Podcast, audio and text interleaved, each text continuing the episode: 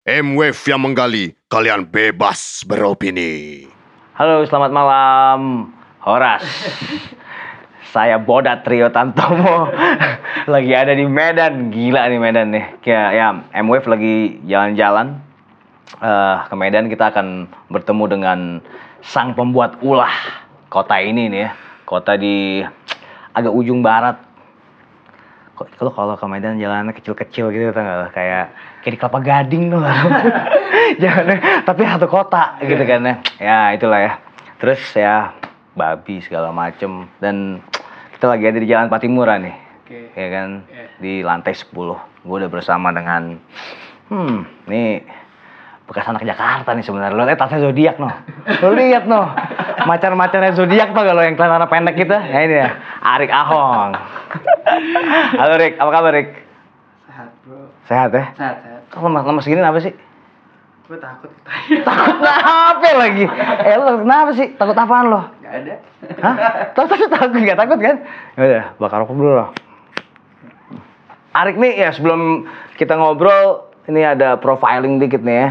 Ya, si Arik nih dia 2014 cabut ya ke Jakarta. Seperti halnya mimpi para anak daerah. Fuck, gua gak suka Iya. banget ngomongin itu anjing. Iya kan? Betul, betul. Berasa Jakarta kota Tuhan tau gak lo? Iya kan? Terus abis itu dia kerja sampai 2020 ya?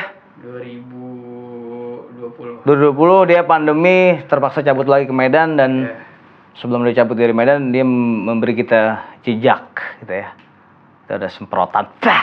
Dikasih dia itu dari Medan 75 kopi fisik ya kan dijual eh, digital kompilasi arsip pagi ini. Oke. Arsip sinar pagi. Arsip pagi ini kayak kayak nama koran tau nggak lo? Sinar pagi, nama soto. Nah, itu itu itu itu oke Rick. Lo bisa jelasin nggak? Eh, ya arsip sinar pagi karena itu gue baca dua dekade eh, Sin Medan, ya kan? Dari dari liner notes di dalamnya gitu. Ya boleh jelasin nggak? Itu itu itu apa sih motivasi lo bikin arsip sinar pagi? Inisiasinya tuh sebenarnya eh, waktu itu gue lagi di kontak sama Reli, Reli Pulo. Pulo. Pulo.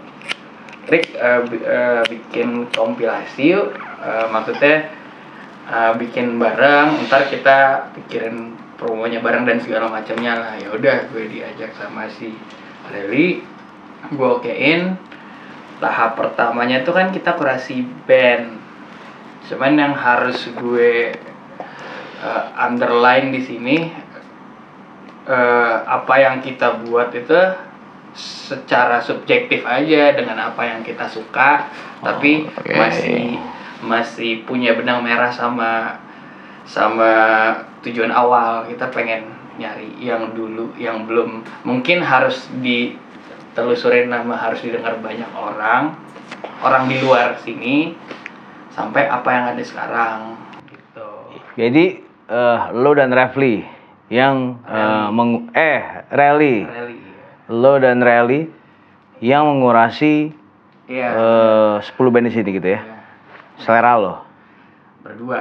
Selera lo berdua gitu kan. Berarti itu eh, melintang dari eh, suara sama ya, yang kontemporer grindcore apa kemarin nyebutnya kan? Akustik. Akustik grindcore, Iya. greencore, dia nyebutnya greencore. Gue mau bilang om harusnya grind tapi mungkin green maksudnya marijuana kali. Dia suka marijuana kali kan, seperti kita tahu kota Medan. Nah, ya melintang dari suara sama sampai ada Korean Conception. Iya, itu salah satu band yang gue suka dan ada Beetle Flux, iya. ada hardcore juga No One Cares sampai Moonlight, Moonge, Moon gazing Moon, Moongazing and her. and Hers. Ya itu Moon gazing and her. Nah itu eh, berarti selera lu berdua mau bisa mau mencerminkan selera anak Medan gak sih? Sebenarnya buka kita nggak pada saat itu ya mewakili apa yang kita suka aja. Oke. Subjektif ya mungkin kita berdua pada saat itu. Tapi yang suka kayak gitu banyak gak di Medan? Banyak lah banyak kan karena eh, ada sebuah acara ya namanya mm, Lost in the Melody ya pasti. itu gue tahu ada ribuan orang dan yang main kebanyakan indie pop, twee pop, Iya. ya kan, kiraan ya band-band kayak Korin lah. Itu kayak dari tongkrongan Kirana ya. itu Ya maksudnya Kirana. kalau dan terbentuk juga beberapa tongkrongan gitu kan ya.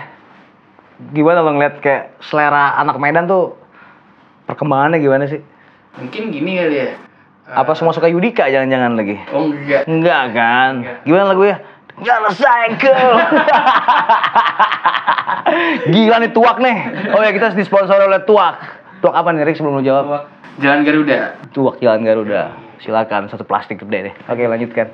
Eh, gimana ya kalau mau jelasin itu berangkatnya tuh dari ini ya Eh, bedanya Medan sama kota lain tuh Medan itu lebih dominan sama acara pensi gitu loh. Jadi banyak acara pensi daripada acara gignya. Jadi gue nggak mewakili siapa pun tapi asumsi dari pandangan gue itu orang ngejar pensi.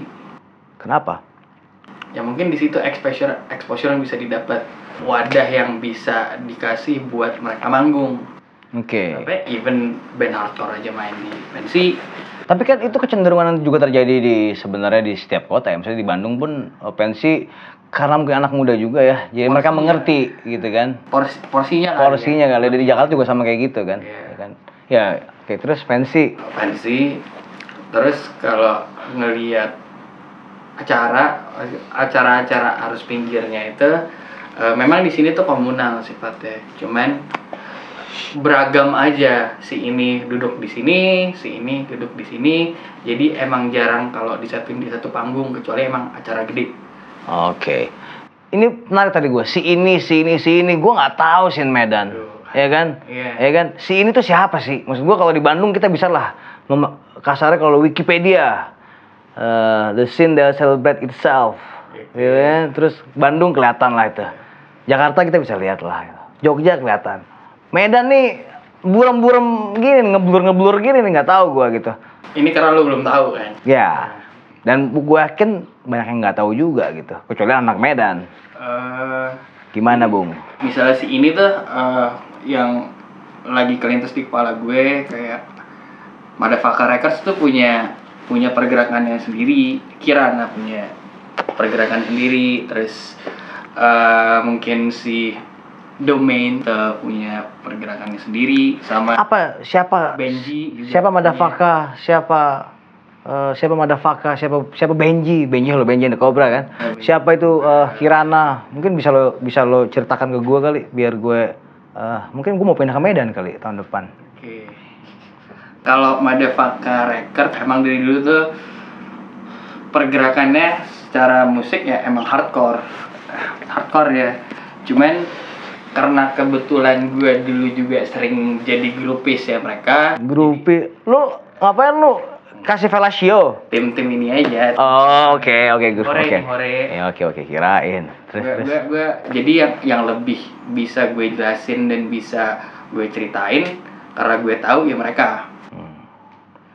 eh yang bisa gue belajar dari mereka adalah mungkin dari tampilan gaya, terus referensi musik.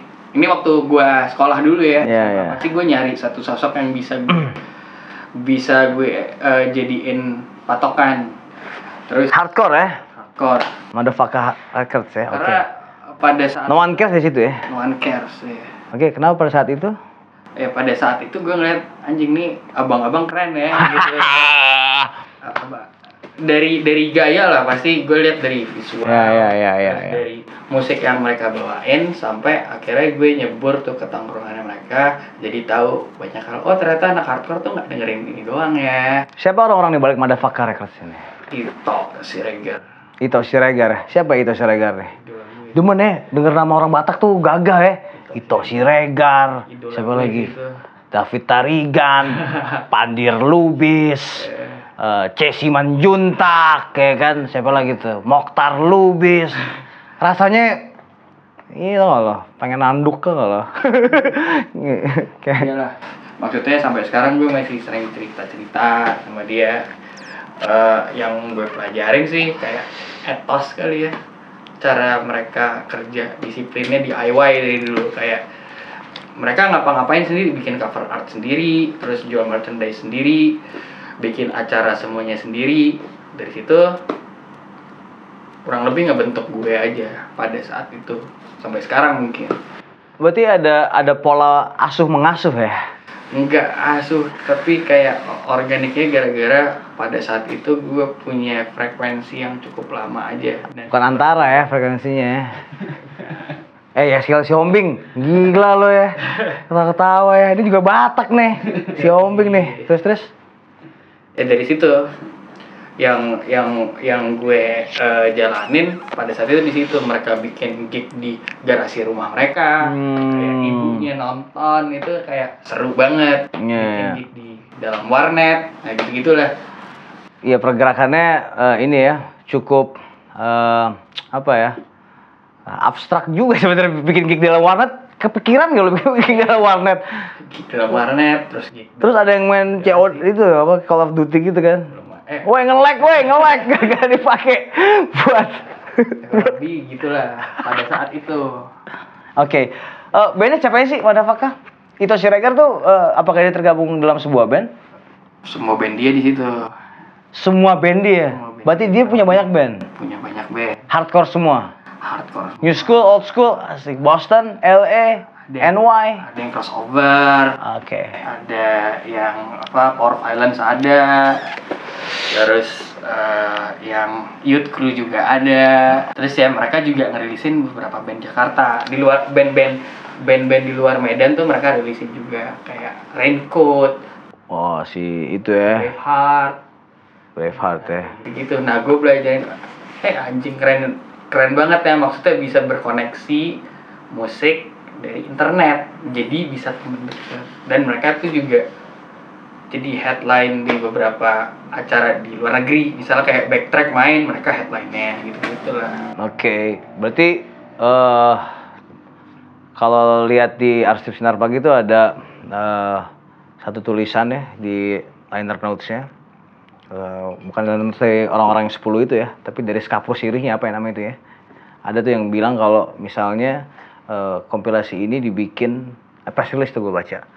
Di, diinisiasi oleh em, beberapa eh, kolektif, ya kan? Salah satunya adalah Madafaka Record. Ada apa lagi tuh? Ada, ada nah, Kirana Broadcasting. Tapi memang memang ah, berarti diinisiasi ya. Bahasanya seingat gue ya. Berarti kalau tadi lo bilang lo dan Rally ada ada abang-abangannya di belakang ini. Gue sama Rally Hmm? Ini gue sama Rally Hmm, lo sama Rally. Iya. Terus kebetulan mereka berpartisipasi oke. Mungkin bisa dibilang 10 band itu berasal dari kolektif ini. iya semuanya Oke, kata inisiasi ini maksudnya gimana? Berarti ikut men, meng- meng- apa ya? Mengcetuskan. enggak sih Enggak ya? sebenernya enggak Apa karena lo pengen hormat sama abang-abangan aja? Harus hormat lah Oh, harus ya? hormat lah Oke, tapi ya kultur abang-abangan. Hmm. Iya, Itu sebenarnya hal yang sangat eh, unik di scene independen ya. Bahwa kita harus saling eh, bersatu gitu atau misalnya berdiri ya independen sendiri sendiri aja lah gitu misalnya gitu kan ya gua nggak tahu Iya. kultur abang-abangan di Medan agak feodal tapi sejujurnya gue banyak dapat ah, obrolan dari luar gitu ya bahwa Medan tuh abang-abangan banget gitu jangan-jangan itu kendala buat scene Medan gue nggak tahu bisa lo jelasin nggak tuh Kayaknya di mana-mana ada abang-abangan lah ya. ya pastilah Jakarta, pastilah di- pastilah Di tiap kota kayaknya ada abang-abangan. Ah. Cuman caranya eh apa ya? Eh apa yang terjadi beda aja. Kayak sebenarnya gue ngerjain ini berdua, Ray juga abang-abangan gue. hmm. Cuman eh adalah sedikit banyak eh, obstacle kemarin waktu gue lagi ngerjain. obstacle berarti rintangan tuh artinya ya. Iya nggak sih? Bener nggak sih Yes Iya kan? Ya obstacle. Iya. Iya kan? Lo bukan dulu les di Obsku obskura apa obskura band metal sih kalau obskura oke obstacle. Apa rintangannya Cerita aja. iya dong cerita aduh eh kalau orang ditanya tuh ya jawab sih kalau nggak mau jawab tinggal bilang gua nggak mau jawab yuk gitu kan bisa tapi lu mau jawab gak Biar seru mau jawab. lu kalau bisa lihat gaya lu asik banget buang rokoknya itu loh eh tapi untuk kemajuan scene Medan loh lu nggak mau jawab lu nggak mau membantu scene lo Cara majuinnya nggak dengan ini inilah. Ini eh, gini, dikit aja kali ya. Oke. Ya, waktu itu ya kayak ada yang oknum lah ya kayak ya bilang ini kalau nggak ada ini ini batalin aja lah kita mundur yang semacam semacam Oh gitu ya. Cuman Oke. ya ya udah gue ajak diskusi baik-baik gue cari jalan tengahnya gimana ya udah akhirnya udah nggak ada masalah lagi Oke. Setelah itu nggak ada masalah lagi Tadi lu bilang eh, memajukannya dengan nggak dengan cara ini sih gitu kan bilang kan ya. Ya, be- ya, betul. Gue tadi cuma nyolek lo doang gitu kan ya. Tapi memajukannya apa ya? Apakah arsip sinar pagi itu termasuk hal yang bisa signifikan memajukan Sin Medan? Maksudnya gue bicara impact. Ya kan udah setahun nih, hampir setahun kan. mungkin eh, apa yang gue bikin itu kemarin emang emang kebetulan selera gue berdua sama Rally. Dan no- kalau ngomongin mixtape kan kita ngatur mood aja tapi storytellingnya apa sih yang bisa kita bawa?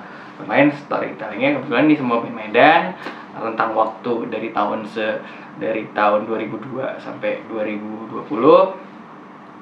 terus eh, yang gue lihat adalah ya emang harus kita promosiin aja karena tujuannya biar pengen musik bagus menurut kita pada saat menurut musik bagus harus bisa keluar aja karena eh, beberapa artis yang ada di dalam situ mungkin susah dicari di internet Ya. Gitu. Bahkan ada yang baru tahu juga gitu. Iya. Ya kan? susah dicari di internet sebatas itu karena kalau ngomongin Medan maksudnya gue nggak mewakilin siapa-siapa ya tapi dari Lu udah dua kali ngomong, gua akan hitungin lo akan ngomongin hal tadi itu berapa kali? Oke, hafal oke, gitu oke, ya. boleh. Lu udah dua kali. Terus? Tiga lah. Oh, ketiga. Oke, terus. terus, terus. Eh, apa karena yang gue lihat yang gue lihat waktu apa ya ya- yang yang gue lihat lah sebenarnya mungkin kan semua orang ngerasa kalau obstek kalau pengen ngeband ya. Kayak misalnya kalau bisa di di diputerin di sini itu bakal naikin exposure-nya lah ya. Ngomongin masih ngomongin exposure tapi pada saat itu yang gue lakuin adalah gimana cara memvisualisasikan uh, artworknya biar menarik terus ngebawa nama kota terus didistribusiin dengan cara yang gue tahu karena tujuannya kemarin adalah mixtape ini emang buat didengar orang yang di luar Medan Karena Mixtape. Mixtape atau kompilasi nih? kompilasi lah Kompilasi. Ya kan lu bilang mixtape kan beda kan? Oke, terus terus terus terus. dulu gitu Nah, ini di depan gua karena em, produser gua suka beli-beli eh, musik-musik online ya. Dia udah beli dari storefront nih. Ya kan? Wah, ini dengan Sargia masang iklan dong nggak lo di sini. ya ini storefront. Berapa harganya di storefront nih? Eh, empat lima Mahal apa murah tuh menurut lo? oh, laku nggak Iya, mahal nggak tuh? 45 ribu. gue kayaknya label lah yang lebih tahu ini penjualannya Gabe Gabe Tapes. Gabi GBT Oke, Gabe Gabe itu label dari eh, Jakarta ya. Oke, eh eh, nyusul omongan lo yang tadi dengan mempromosikan dengan cara yang lo mengerti dan atau tahu. Salah satunya yang gue lihat sangat em, eh, nyata ya adalah eh, liner notes ya. Iya. Maksud gue liner notes itu lo gila. Sebut toko hipster Jakarta. Ada nih yang nulis liner di sini kan. Nih gue kasih lihat deh nih. Ada, wah. Siapa yang kurang lebih hipster daripada Teguh? Ya? Teguh. Wicaksono dari Sound from the Corner. Ada Anida Bajumi dan Reno Nismara menulis ada Argia sang punya uh, storefront ya. Maksudnya Jakarta sentris. Walaupun ada Reza Pohan. Iya. Reza Pohan tuh sinister em, dari generasi 2000-an dan ada Ican Harem. Dia eh, putra daerah ya yang besar di luar Medan. Itu tadi kenapa? Kenapa? Kenapa Jakarta sentris? Ada dari 10 ada 8. Sebenarnya bukan Jakarta sentris ya. Kalau kalau gue pada saat itu gue nggak nyampe mikir ke arah sana, tapi pada saat itu karena objektif gue adalah biar didengar sama orang luar Medan, ya gue mendekatkan diri buat eh, siapa yang menurut gue orang Medan yang bisa jadi channel distribusi Hmm? buat nulisin dan nyebarin itu Oke. gitu. Pemilihan lo kalau tadi ngomong distribusi ya iya sih ya. Ada Randy Lamunai, ada Argia gitu kan. ya. Jadi ini sebuah strategi. Ya pasti itu. Pasti, Pasti. ya kan? Dan menurut gua eh, strategi ini bisa dibilang ah, punya dua eh, mata pisau ya. Iya. Ya nggak sih? Satu sisi ya benar. Iya. Kalau akhirnya orang-orang malas kayak gue gini bisa tahu gitu. Eh ada harus ada kompilasi ini, harus sinar pagi dan satu sisi kayak ah lo ngejual nama lagi lah. Misalnya gitu ya. Dan lo kayaknya Ya, em, gue nggak bohong lah pasti lah gue jual nama namanya juga gue pengen memasarkan sesuatu ke target yang udah gue tuju gitu pada saat itu ya karena kalau ngomongin yang sebaliknya ya kayaknya orang Medan juga udah tahu musik-musik yang gue taruh di sini oke. gitu Terus abang-abangan Medan marah-marah dong. Tapi ada Reza Pohan lah yang mewakili kan. ya pasti ad- ada lah ya pro kontra ya pasti ada Ya. ada Tapi ini pertanyaan mendasar sih. Ada apa sih dengan eh, sinar pagi? Itu tadi gue sempat lewat tuh dan tutup sorry. Soal gue lewat jam setengah lima tadi tutup. Maksudnya itu emang eh, selera kuliner atau apa sih pagi itu soto kan? Bisa jelasin nggak? soto soto ikonik aja sih ya menurut gue Kenapa ikonik? Emang ikonik ya? ikonik lah di Medan Di Medan ya? orang Oke. eh, kalau ngomongin sinar pagi pasti tahu kalau penamaan arsip sinar pagi ya waktu itu cuman yang nggak pengen ngasih tahu ini kompilasi musik-musik dari Medan yang gue sama Reli pilih tapi nggak ngomong nggak pakai kata Medan di namanya aja Oke. gitu Jadi terpilihlah itu ya. ya. Oke, itu mungkin kalau ke Medan mesti patut coba ya. harus Oke. lah, coba Ini ada notes masuk eh, dari sebelah kanan, fax nih. Ada fax Dari masuk sayap kanan ya. dari sayap kanan. Bisa dibilang nggak kalau kompilasi arsip sinar pagi lebih diapresiasi di Jakarta daripada di Medan? Eh mana ya? Tapi kalau gue lihat dari sales penjualan yang beli ya orang Jakarta. Yang beli ya orang Jakarta. Kenapa orang Ada Medan? beberapa lah temen gue yang beli. Iya. Nah itu dia tadi kan gue tanya, maksudnya apakah selera lo itu mewakili eh, selera anak Medan, at least the indie eh, shit itu, atau misalnya ini mencoba untuk menawarkan selera baru dan memberitahu, eh buat bodat, ini ada musik bagus 10 band, ya kan, dengarkanlah, misalnya gitu kan, Ya, mungkin yang kedua sih. kayak gitu ya. Karena target gue yang udah gue omongin tadi emang gue pengen denger di luar aja. Pengen di luar di luar di luar Medan. Makanya mungkin kalau secara objektif ya kalau yang beli orang luar Medan ya berarti sesuai aja. Oke. Em, hampir di setiap eh, scene di luar Jakarta, Bandung, Jogja gitu ya. Gila itu kayak kayak Mekah, Medina atau lagi kota besar gitu ya di di di luar itu ada kekurangan soal media. eh. Eh, beberapa orang yang gue tanya mengenai kenapa lo pindah ke Jakarta karena di situlah pusat media dan ketik di situlah eh, lo bisa mendapatkan semuanya. Gue nggak tahu sih. eh media yang mendukung pergerakan apa? Arus pinggir?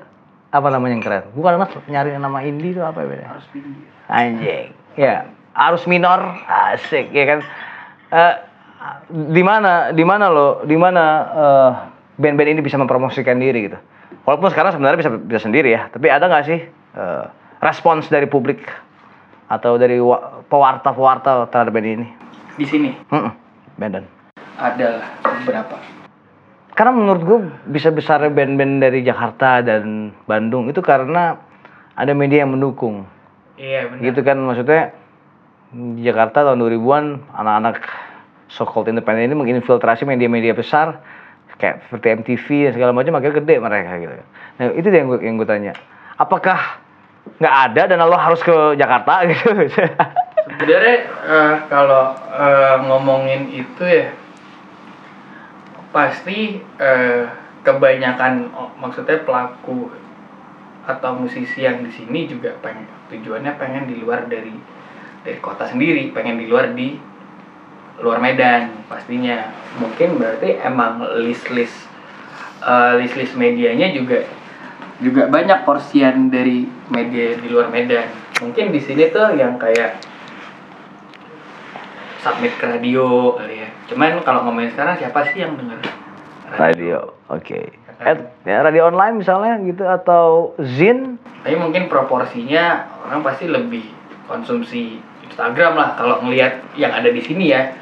Cuman eh, kalau banyak orang ngelempar press release ke luar dari kota daerahnya menurut gua nggak nggak sangat nggak masalah. Karena Iya dong, iya kan dong. kita internet ya eh, maksudnya di ruangan yang sama cuman ini omongan gue nggak ngomongin tentang susahnya akses lagi tinggal lo rajin setuju. sih atau Gitu. lo Lo mau nggak sih? iya keyword beda keyword aja lo mau nyari keyword yang baru nggak sih buat ngelempar lo atau enggak cuman ya udah jadi guideline aja kayak kalau dilempar ke sini Di Medan orang-orang yang ingin mencari hal baru ya, misalnya anak muda gitu ya, eh, apinya kan di anak muda ya. Itu itu itu eh, gimana tuh? Maksudnya apa? Mereka masih dengernya Judika atau Enggak. yang gitu-gitu? Lo ada apa sih sama Judika? iya dari tadi kita udah dua kali tadi Dia, dia, dia tuh Rod Stewart Indonesia cuy. Lo denger dulu. Nggak ada apa-apa. Gue suka suaranya rock-rock serak gitu. Gila, sana, gila. Rod Stewart cuy. Ya, ya maksudnya eh, selera selera gua anggap ya lo itu se sekeren Helvi ketika dia dan anak-anak taman lalu lintas ketika dia menawarkan eh, selera baru indie pop dan shoegaze di anak Bandung. Nah lo mungkin eh, 20 tahun kemudian lo melakukannya gitu ya. Menurut gue mungkin Reza Pohon udah pernah melakukannya. Ya kan? Reza Pohon udah melakukannya dengan dan Shin Kirana udah melakukannya. Tapi untuk generasi sekarang ini mungkin lo kali ya yang bisa eh lo lihat nih gitu kan. Oke. Em,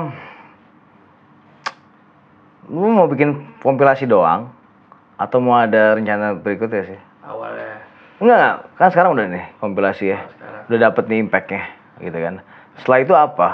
kalau masalah impact nggak sesuai sama ekspektasi gue aja Enggak sesuai dengan ekspektasi lo. Iya, nggak sesuai Hmm, menarik nih. karena gue eh, kemarin sama Rally sama anak gabe-gabe yang ngebantu ngerilisin kita. Juga udah mikirin once ini keluar gimana cara promonya biar nggak putus? Itu yang pengen gue jalanin kan? Eh, cuman pada saat itu waktu kita jualan dua hari habis semuanya. Jadi 75 biji habis tuh ya. habis habis terus gimana kalau kita bikin showcase nih semuanya Ah, oke. cuman kalau dilihat dari kondisi sekarang nggak mungkin kita bisa bikin acara Di mana showcase-nya? Di Rossi Musik Jakarta. di Medan Di Medan dong, makanya dong. Jangan sampai di Rossi Musik. Iya. Basi ah. Terus terus terus. Rossi Musiknya basi maksudnya. Terus terus terus. Eh, di Medan terus gara-gara keadaan masih kayak gini terus kayak gue waktu itu pengen menerapkan kalau gue sama yang lain-lain nerapin ya udah tiap band yang kita main tuh dibayar. Maksudnya pengen jadi oh. Maksudnya pengen oh ini acara kecil-kecilan eh enggak independen maksudnya kita ngerjain sendiri. Oh apresiasi terhadap itu kita ngasih bayaran. Cuman setelah kita hitung-hitung kemarin duit kita nggak cukup Hmm. dan ternyata kondisinya kayak gini Pandemi ya. batal Oke, oke. Ya, ya, ya. Terus respons publik gimana? Maksudnya yang yang, yang lebih nyata ya selain eh, habis dalam dua hari, Ya. lalu em, gimana orang-orang merespons eh kompilasi ini gitu? yang gue yang tahu ya maksudnya yang berkesan waktu itu ada salah satu band yang dalam kompilasi ini Simon Gazing itu tuh eh, ya dimasukin di playlistnya Eastern Margins lah Collective UK Oh asik. Ya, maksudnya yang kalau tujuannya pengen nge-broaden eh, apa areanya itu udah gue checklist. Tapi apakah band lain juga? Oke. eh, Pulo dapat itu terus Hello Benji, Hello Benji gimana? Ini salah satu band favorit gue dari Medan nih. Tadi belum belum disebut nih. band kesukaan gue juga Ya, Arik nih manaj lo manajer ya? gue manajernya Iya. Terus em, gimana Hello Benji? Maksudnya dari different class, dari stage act-nya dia, gue sempetnya kepikiran ya, ketika dia nonton dia manggung, ini kalau di, gue bikin band tribute The Doors, main di kafe-kafe gitu, tapi khusus The Doors dia jadi Jim Morrison udah paling keren anjing, udah paling pas anjir, ya nggak? Ya Hello Benji. kalau B Benji sih eh, ya dia kebetulan udah udah udah sign sama label yang di luar Medan Siapa dia? Lamunai Oh Lamunai. Oh siapa sih Lamunai itu ya? Lamunai itu siapa Oh iya Lamunai. Oh iya, aduh aduh lupa gue Lamunai Records. gue inget sekarang, gue inget gue inget. Lamunai. Randy Pratama, bos, bos kelapa sawit, Bos Ren bos kelapa sawit. Terus, eh yang lain kayak Cockness Park gue itu band baru di tahun itu Oke, nah yang kayak gini-gini nih. Terus terus terus terus. band baru di tahun itu mereka keluarin single wah anjing ya ini band keren banget nih. Mereka cuman berdua my spot gitulah. Eh, terus gue gue tertarik lah gue kenalan gue nongkrong sama mereka. Terus akhirnya ya masuk ke beberapa rekomendasi media-media. Nih lo ajak denger lagu ini terus sempet jadi ya gitulah sempet dibahas.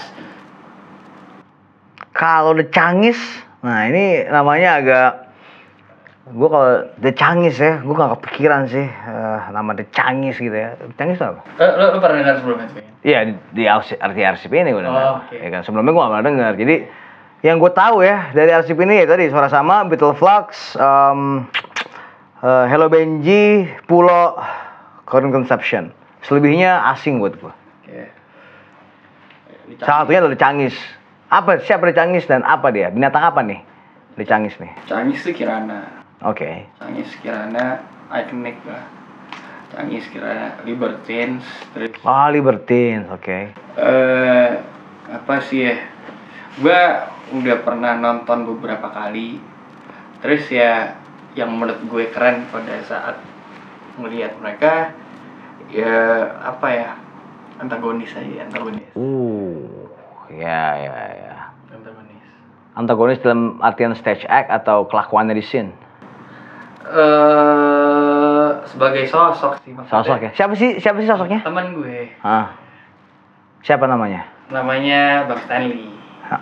Bang Stanley Bang Sandi. Stanley Wah, Bang Stanley namanya, oke. ya ya kayak ini sih ya eh, dikit banyak gue juga tahu beberapa informasi dari dia terus gue sempet nongkrong sama dia dia punya ini juga sih waktu pertama kali gue nongkrong sama dia dia masih nanya sama gue masih ada semangat nggak buat kita gerakin nih Medan nah, dari situ gue lihat ya ya ini satu sosok aja Oke, Cangis ya. Ada satu sosok lagi yang gue kenal namanya Reza Pohan.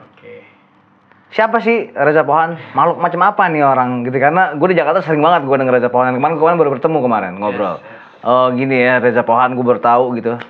Oke. Kalau di dari lo sendiri karena dia juga menulis liner notes gitu Iya. kan. Eh, siapa sih Reza Pohan ini? ya patut disorot sih ini orang Kenapa dia?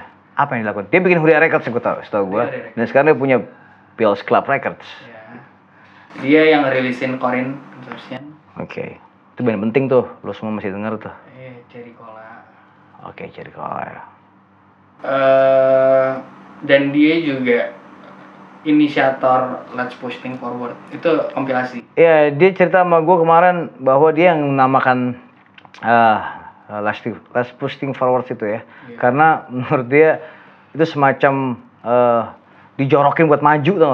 Ya. Ayo dong, Ya, ya, gitu ya. dari dari dia gitu ya. Ya.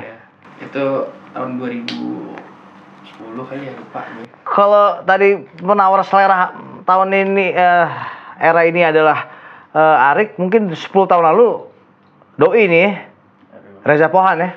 Maksudnya iya dong. Bisa nggak dibilang kalau dia yang eh, mengenalkan indie pop gitu ya?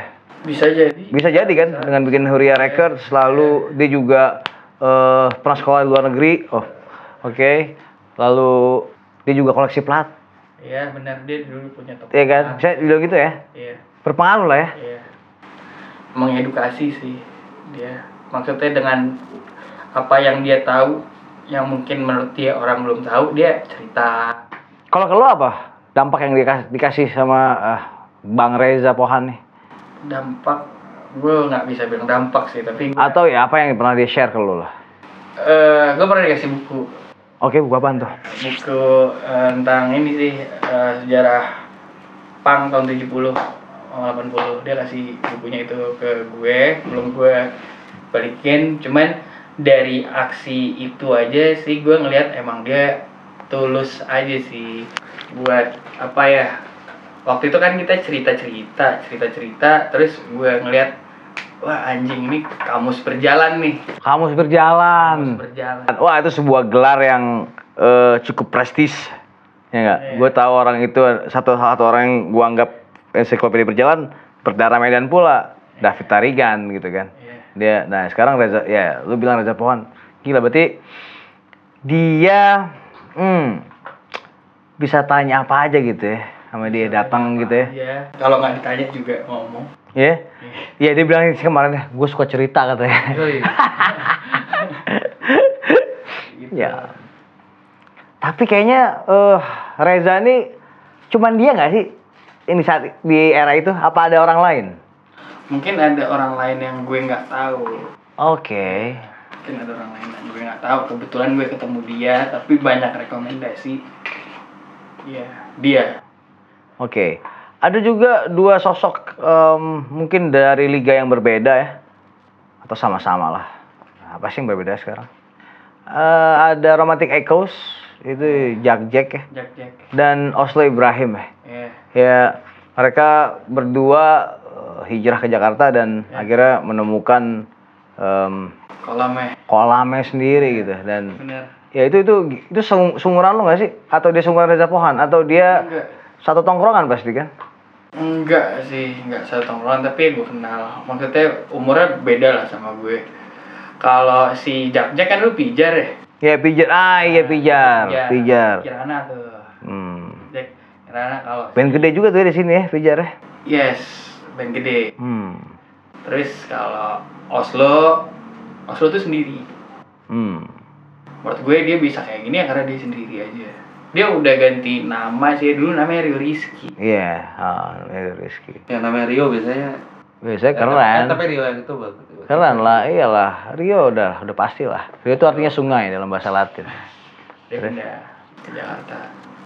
Gede dia men sekarang.